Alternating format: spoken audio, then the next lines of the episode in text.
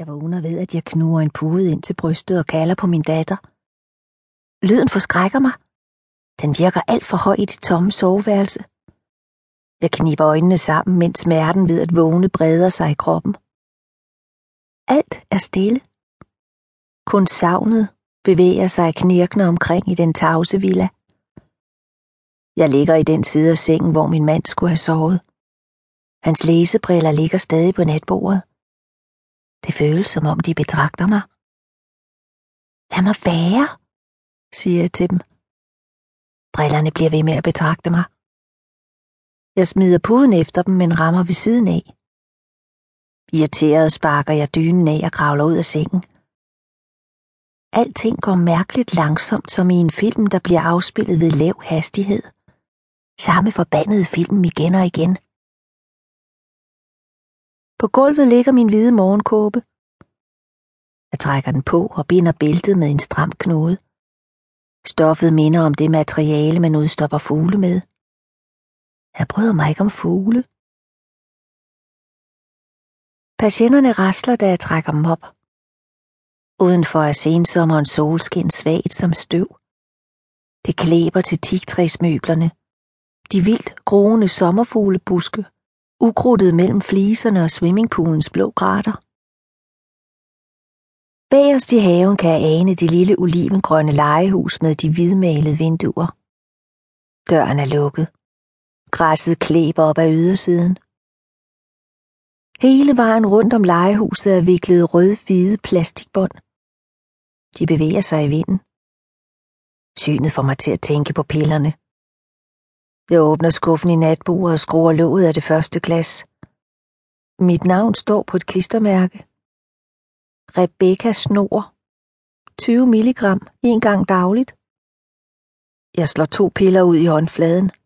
Med den modsatte hånd åbner jeg de næste glas og blisterpakninger. Hælder og trykker medicin ud i ordineret rækkefølge. Hvid, bleggul, glat eller delekærv.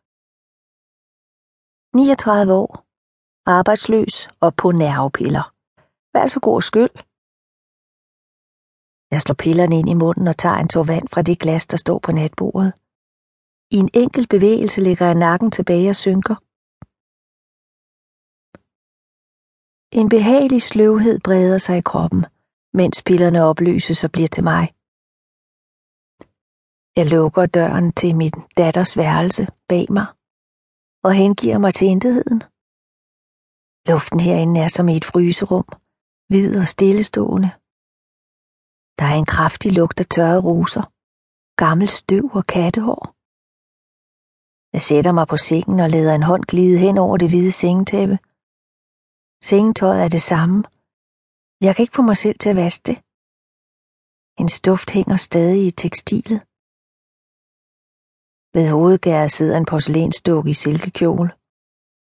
Ansigtet er hvidt og udtryksløst. Under det ene øje er malet en tårer. Dukkemageren brugte udelukkende ægte menneskehår. Det meste blev købt fra asiatiske børnehjem og farvet lyst på en fabrik i Polen. Asiatiske børn har verdens blødeste hår, som han sagde. Overalt i butikken sad dukkerne ret op og ned, livagtige i deres livløshed. De havde negle, øreflipper, næsebor, fingre, der kunne bøjes i samtlige led. Jeg havde min datters hår med i en plastikpose. Dukkemæren gav mig ret. Det var meget blødere end det asiatiske. Jeg viste ham et fotografi, hvor øjenfarver og smilehuller var særligt tydelige. Den kom til at ligne på en brik. Han lagde ekstra vægt i hovedet, så det faldt bagover ligesom på en rigtig baby. Jeg tager dukken på skødet og vugger hende frem og tilbage. Og er så stille. Gråden samler sig bag øjenlågene. Jeg presser fingrene sammen om næseryggen og lægger nakken tilbage mod væggen. Ude på vejen kan jeg høre en bilmotor blive slukket. Dukken betragter mig med store øjne. Jeg trykker læberne mod den kolde porcelænshud og koncentrerer mig om at smile til den. Havelågen giver et smæld. Trinene kommer nærmere. Der er stille lidt. Så ringer det på døren.